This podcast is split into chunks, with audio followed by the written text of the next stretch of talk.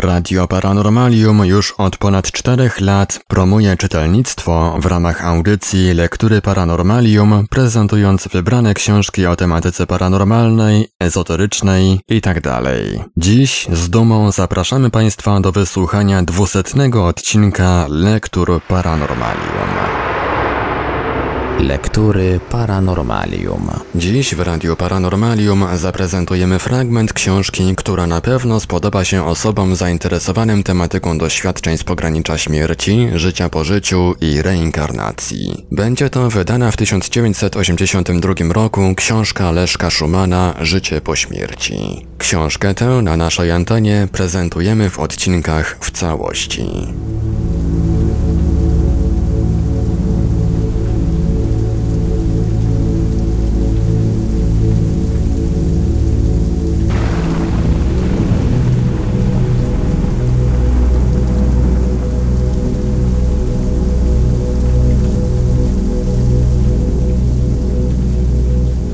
Pewna młoda hinduska uległa ciężkiemu poparzeniu.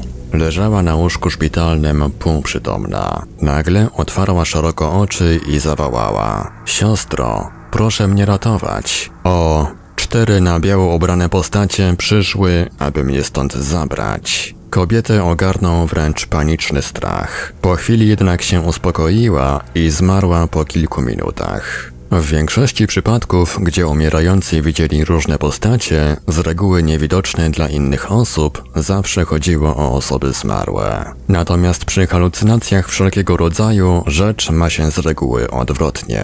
Warto zastanowić się również nad tym, jaki dystans czasowy dzieli wizyty członków najbliższej rodziny lub przyjaciół chorego z tamtego świata od jego zgonu. Na podstawie wielu statystyk można stwierdzić, iż osoby umierające widują otaczające ich nieziemskie istoty dość krótko, od kilku do kilkunastu minut przed agonią. Do rzadkości należą wypadki, by chory umierał nazajutrz po widzeniu ze zjawami lub po kilku dniach od tego starzenia. A oto dość charakterystyczny wypadek tego rodzaju. Jedenastoletnia dziewczynka, która urodziła się już z wrodzoną wadą serca, znalazła się w szpitalu w związku z pogorszeniem stanu zdrowia. Trzeciego dnia pobytu w klinice nagle oświadczyła siostrze obecnej na oddziale, że jej mamusia przyszła do niej i przyniosła jej śliczną, białą sukienkę. Uradowana poprosiła pielęgniarkę, aby pomogła jej się unieść z poduszki, bo mamusia zamierza ją zabrać ze sobą.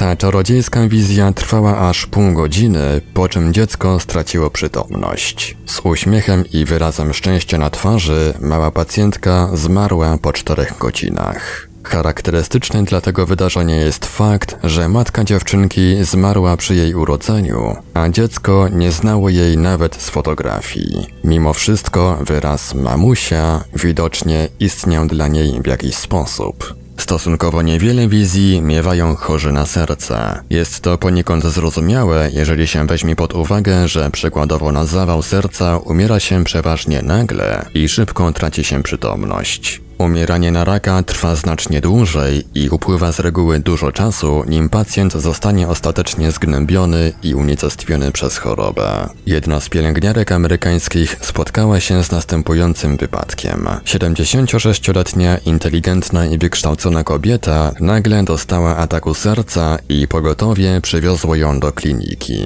Była przytomna, żadnego bólu nie odczuwała, więc nie dano jej niczego na uspokojenie. Tylko lekarze wiedzieli, że jest z nią źle. Ona sama twierdziła, że czuje się dobrze. Była przekonana o tym, że najdalej za kilka dni wypiszą ją do domu i powróci do swej córki, której była niezbędna. Nagle zawołała: Siostro, czy siostra widzi tam w kącie sali mego męża? Zmarł on, jak się później dowiedziano, przed kilku laty. Rozłożył ramiona, jakby mnie chciał objąć. Jak tu wszędzie pięknie.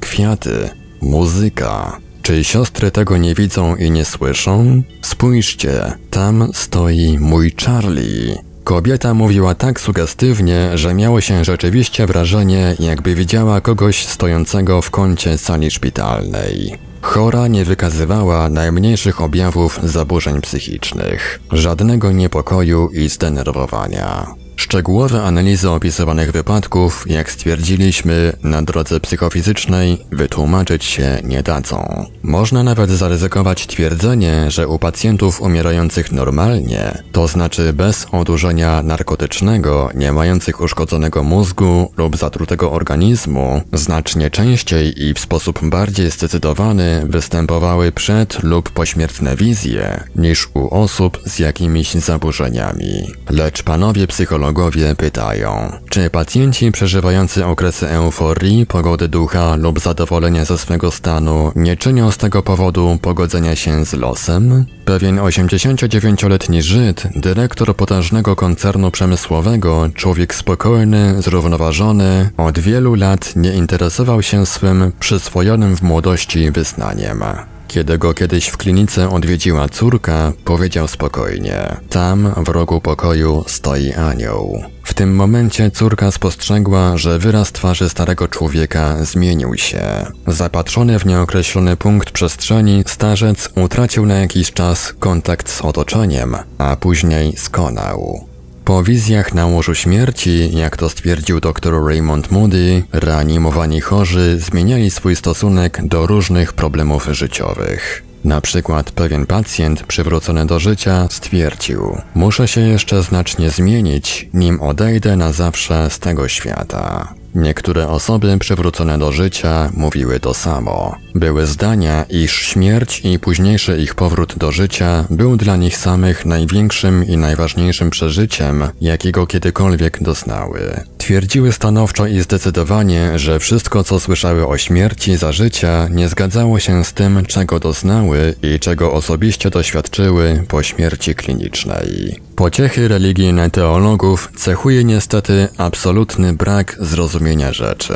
Ogranicza się je do bezmyślnych, wyuczonych rytuałów, nie dających umierającemu nic. Jedynie rodzinie wydaje się, że konający został należycie przygotowany na opuszczenie tego świata. Na zakończenie tego podrozdziału warto byłoby może przytoczyć autentyczną anegdotę z życia ministra Taleyranda, biskupa, który za czasów dyrektoriatu i panowania Napoleona był ministrem spraw zagranicznych Francji. Oczywiście Talleyrand był wyłącznie biskupem tytularnym i z religią miał niewiele wspólnego. Za to znany był z cynizmu, przekupstwa i nieuczciwości. Gdy leżał na łożu śmierci, zabronił wpuszczenia do siebie księży.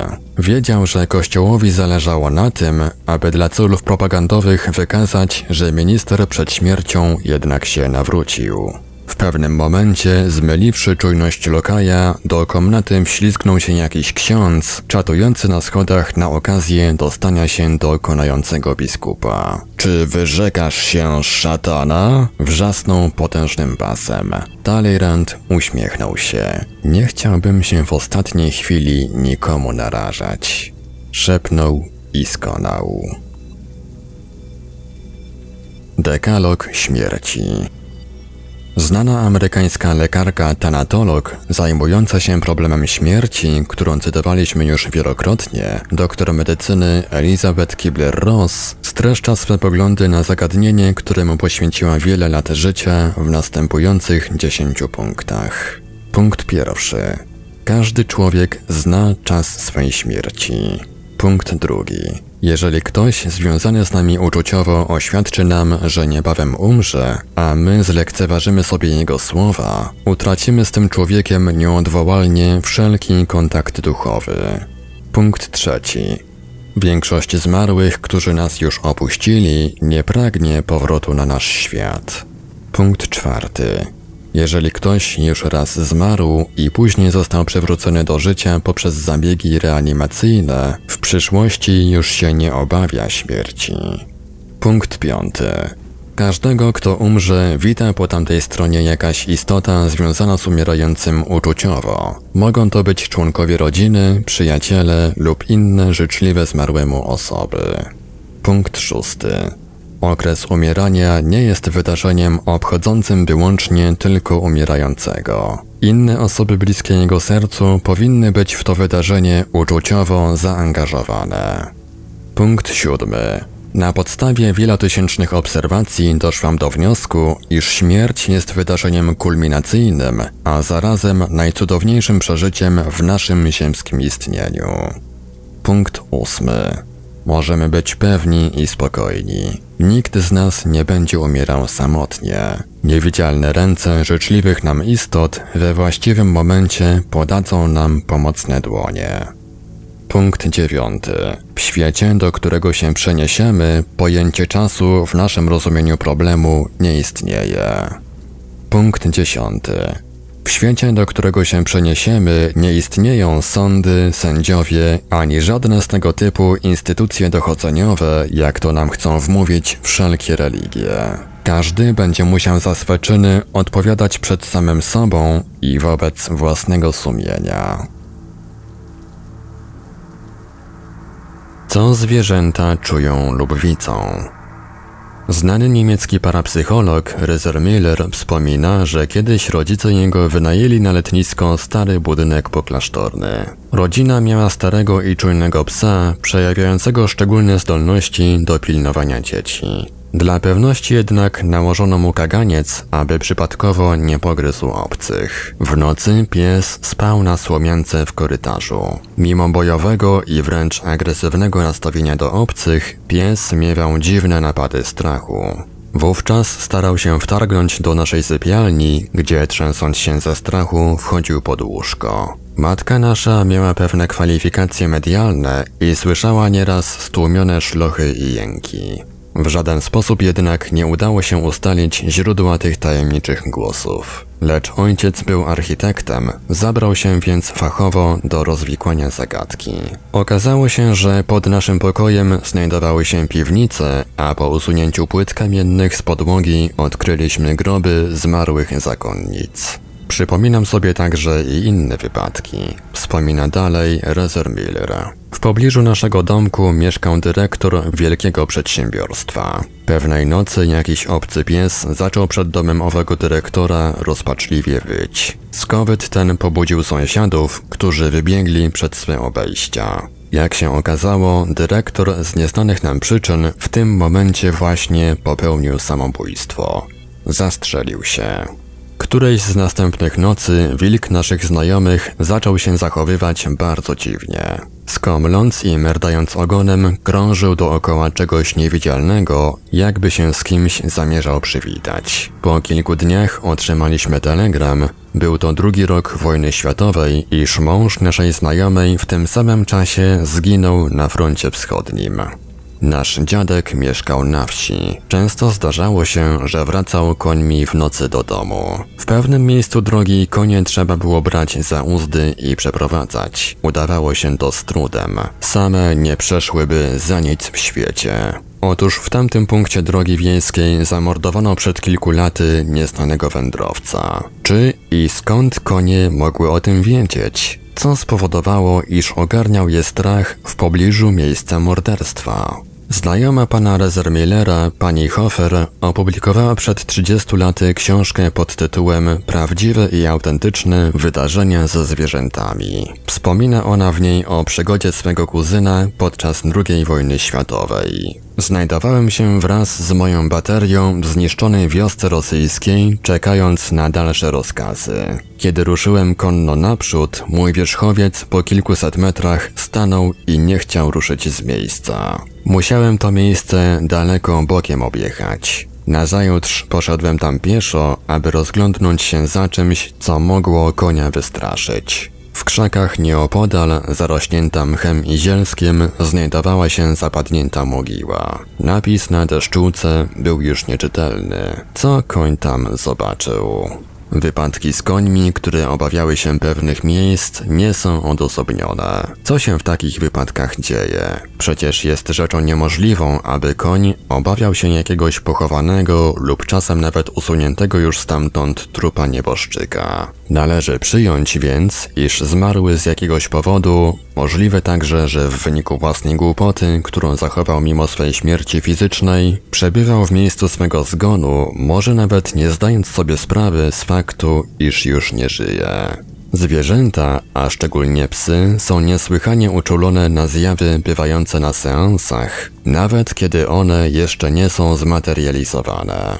Jest to zagadnienie parapsychologom ogólnie znane. Jeżeli więc się zdarzy, że pies przebywający w pokoju nagle zaczyna się zachowywać dziwnie, można być pewnym, iż ktoś obcy przybył właśnie do pomieszczenia. Ktoś z obecnych może na przykład być medialny, co ułatwia istotom z innego świata kontakt z żyjącymi. Pies taką obecność wyczuje znacznie wcześniej niż cywilizowany człowiek. Ludzka receptywność bowiem jest ściśle związana z jego podświadomością. Doktor medycyny Maria Tillow pisze w jednej ze swych książek z dziedziny parapsychologii, iż któregoś dnia rano usłyszała stukanie do drzwi wejściowych. Sądziła, że to mleczarka, lecz uwagę jej zwróciła kotka śpiąca w nogach jej łóżka. Zwierzę stało najeżone i trzęsło się ze strachu. Tymczasem do pokoju weszła jakaś mglista postać. Zbliżyła się do mnie. Wiało od niej lodowatym chłodem. Jest to notabene charakterystyczne dla samorzutnych zjaw. Po kilku minutach otworzyłem oczy. Zjawa zniknęła, lecz kotka nadal dygotała na kołdrze z przerażenia. Wspominając o przerażeniu zwierząt czujących w pobliżu jakąś osobowość z innego świata, należy podkreślić, że dotyczy to tylko osób obcych. Jeżeli taka, nawet niewidoczna zjawa była psu za swego życia znajoma lub tylko należała do rodziny, na co psy są niesłychanie uczulone, wówczas zwierzę okazuje radosne podniecenie, co objawia się wesołym szczekaniem, skomleniem i merdaniem ogonem. Rozdział trzeci. Odwiedziny z zaświatów. Ostatni z legendarnego szczepu Agerti.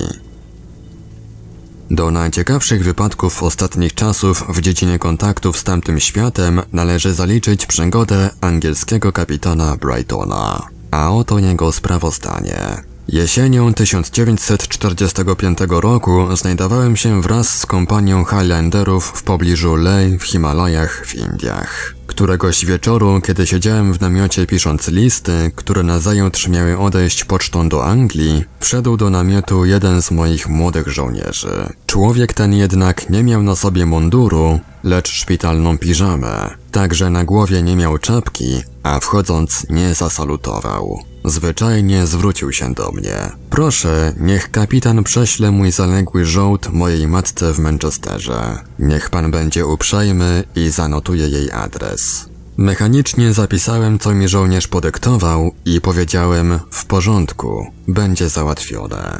Żołnierz opuścił mój namiot, milcząc i bez salutowania, tak jak wszedł. Będąc znów sam w namiocie, uprzytomniłem sobie, że wystąpienie żołnierza było co najmniej dziwne. Jak on w ogóle śmiał wejść do namiotu dowódcy w piżamie i bez salutowania wypowiedzieć swoją prośbę? To mnie zirytowało. Kazałem więc wezwać sierżanta, aby z nim pogadać. Sierżancie, zawołałem, dlaczego pozwoliliście szeregowcowi Yangowi wejść w piżamie do mojego namiotu? Rozkazuję, aby szeregowiec Yang natychmiast stawił się umundurowany. Panie kapitanie, Odparł sierżant zdetonowany. Czy pan zapomniał, że szeregowiec Yang zmarł wczoraj w szpitalu w Sfingar? Meldunek o tym położyłem panu dziś rano na stole.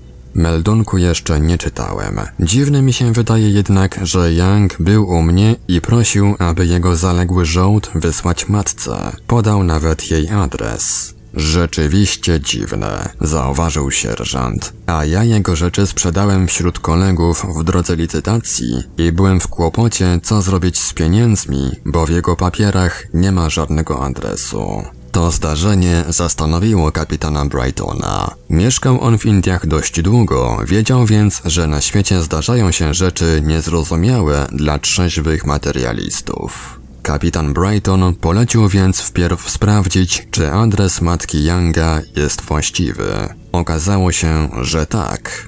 Sprawa ta jednak nadal chodziła mi po głowie, opowiadał kapitan Brighton. Zastanawiałem się, jak to się stało, że szeregowiec Yang mi się pokazał. Kiedyś usłyszałem, że w pobliżu mego posterunku mieszka młody Hindus, Szwani Ashmari Gopal, który od kilku lat wiódł tu życie pustelnicze. Hen wysoko na szczytach dachu świata, gdzie daje się odczuć wpływ ciał astralnych adeptów, młody Hindus zagłębiał się w tajniki prastarej wiedzy swego narodu. Zdobył on na tej drodze nie tylko wiedzę magiczną i okultystyczną, lecz miał ją opanowaną w niebywały wręcz sposób. Przebywał wśród zagadnień tych od dziecka. Tak więc Hindus, człowiek myślący nowocześnie, o wykształceniu uniwersyteckim, był także wybitnym medium, pośrednikiem między naszym i tamtym światem. Któregoś dnia, ciągnie swą opowieść kapitan Brighton, wybrałem się do Hindusa i opowiedziałem o zdarzeniu z szeregowcem Yangiem. Szwani Ashmari Gopal wytłumaczył mi na wstępie, że było to ciało astralne zmarłego, który w trosce o swą matkę powrócił na nasz świat, aby podać mi jej adres, czego zapomniał załatwić za życia.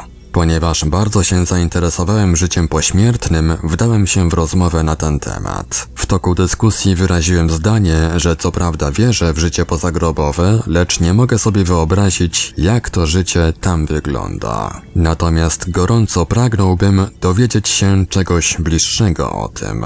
Hindus uśmiechnął się tajemniczo i powiedział: Widzi pan, jestem jednym z ostatnich członków legendarnego niegdyś szczepu Agerti, który ma dar kontaktowania się z duchami zmarłych. Chętnie ułatwię panu możliwość rzucenia okiem w zaświaty, lecz może to być dla pana niebezpieczne. Mogłoby się zdarzyć, że pan zechciałby opuścić teraz ten świat na zawsze. Kto jednak przyłoży rękę do opuszczenia swego fizycznego bytu przed czasem, jak jest dla niego przewidziany, ten musi brakujący mu okres czasu do zakończenia życia doczesnego spędzić w warunkach bardzo nieprzyjemnych, poniekąd w zawieszeniu, będąc już nie tu, a jeszcze nie tam. Ten świat bowiem opuścił, a do tamtego nie może być jeszcze przyjęty. Kiedy oświadczyłem Hindusowi, że uważam siebie za osobowość silną, pełną energii i przywiązania do tego świata, Szwan Ashmari Gopal odparł. Niech więc pan zwróci baczną uwagę na to, co teraz nastąpi. Na jedno muszę jeszcze panu zwrócić uwagę, iż cokolwiek się stanie, niech się pan w to nie wtrąca. Niech pan mnie nie dotyka i pozostawi mnie swemu losowi bez obawy o moją osobę. Następnie Hindus ukrył twarz w dłoniach, a po chwili konwulsyjne drgawki zaczęły wstrząsać jego ciałem. Chciałem skoczyć mu na pomoc, lecz w ostatniej chwili przypomniało mi się jego ostrzeżenie. Nagle zaczęło mnie ogarniać dziwne uczucie duszności. Już zacząłem żałować mego pochopnego postanowienia. Chciałem powiedzieć Hindusowi, aby dał spokój i przerwał doświadczenie, bo czuję się niedobrze, lecz już nie mogłem wypowiedzieć ani słowa, chociaż usilnie się starałem. Tylko w myślach wołałem: przerwać, przerwać. Dookoła mnie wszystko zaczęło falować, jakby ogarnął mnie wiatr. Wydawało mi się, że zbliżają się do mnie olbrzymie, mgliste meduzy. Nagle przestrzeń się rozjaśniła, błyszcząc promiennym światłem, jakiego nie widuje się nigdy na Ziemi i w życiu fizycznym. Mgliste meduzy zaczęły się powoli skupiać i nabierać ludzkich kształtów. Wreszcie jakaś postać ludzka usiadła obok Hindusa. I wówczas rozpoznałem to dziwne zjawisko. To była moja siostra Marianna, która zmarła przed czterema laty. Chciałem coś powiedzieć, zawołać ją, podać jej rękę, lecz byłem jak porażony. Nawet nie mogłem jej powitać szeptem. Milcząc, zjawa spoglądała na mnie poważnym wzrokiem. Ja chyba oszaleję, myślał mój mózg, jeżeli zjawa się nie odezwie. Przyszłam, oznajmiła wreszcie siostra, bo szwani aż Mary Gopal mnie wezwał, abym tobie, braciszku, przyniosła wiadomości z tamtego świata. A więc wiedz, że przebywam w krainie, gdzie żyją ci, co zmarli na twoim świecie. Wszystkie dusze naszych tak zwanych zmarłych mają postacie podobne do ziemskich. Każdego, kto opuszcza swe ciało fizyczne, aby przyjść do nas, przyjmuje kilku z nas, którzy byli mu bliscy. Lecz taki nowy przybysz nie od razu dostaje się do najwyższej sfery nowego świata. Musi on przeżyć okres wyczekiwania i oczyszczenia. W tym czasie może on co prawda świadomie przybywać tu, lecz nie może jeszcze brać udziału w naszym tutejszym życiu. Nasz świat nie jest jakąś pustą przestrzenią. Także i tu istnieje materia, którą jednak możemy przenikać. Tak samo jak to możemy czynić, gdy chodzi o wasze materialne budowle oraz wszystko, co jest utworzone z materii fizycznej.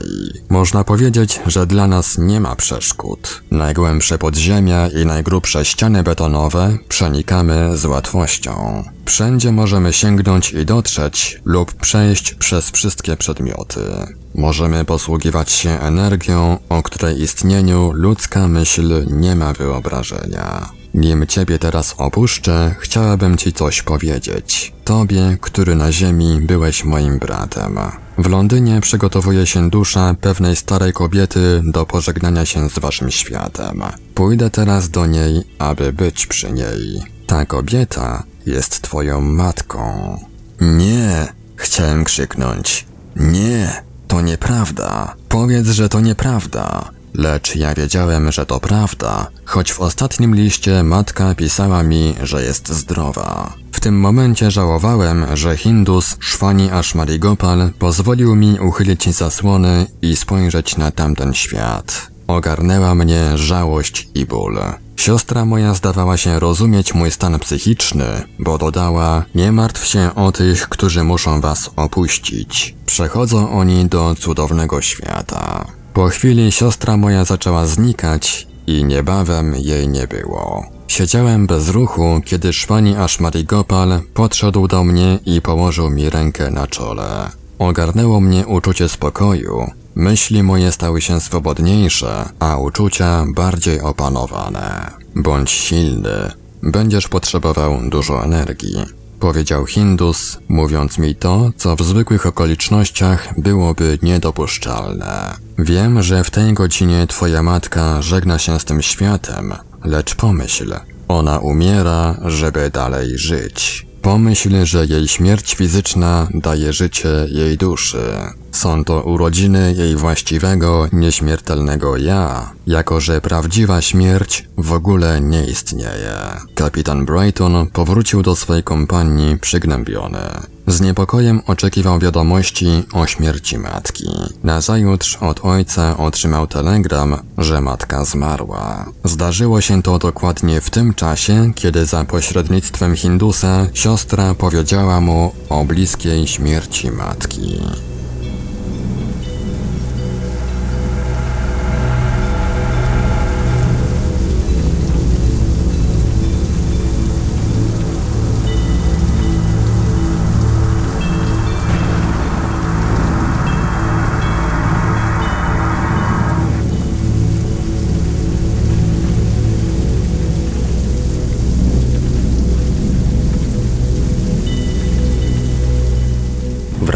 Paranormalium zaprezentowaliśmy fragment wydanej w 1982 roku książki Leszka Szumana Życie po śmierci.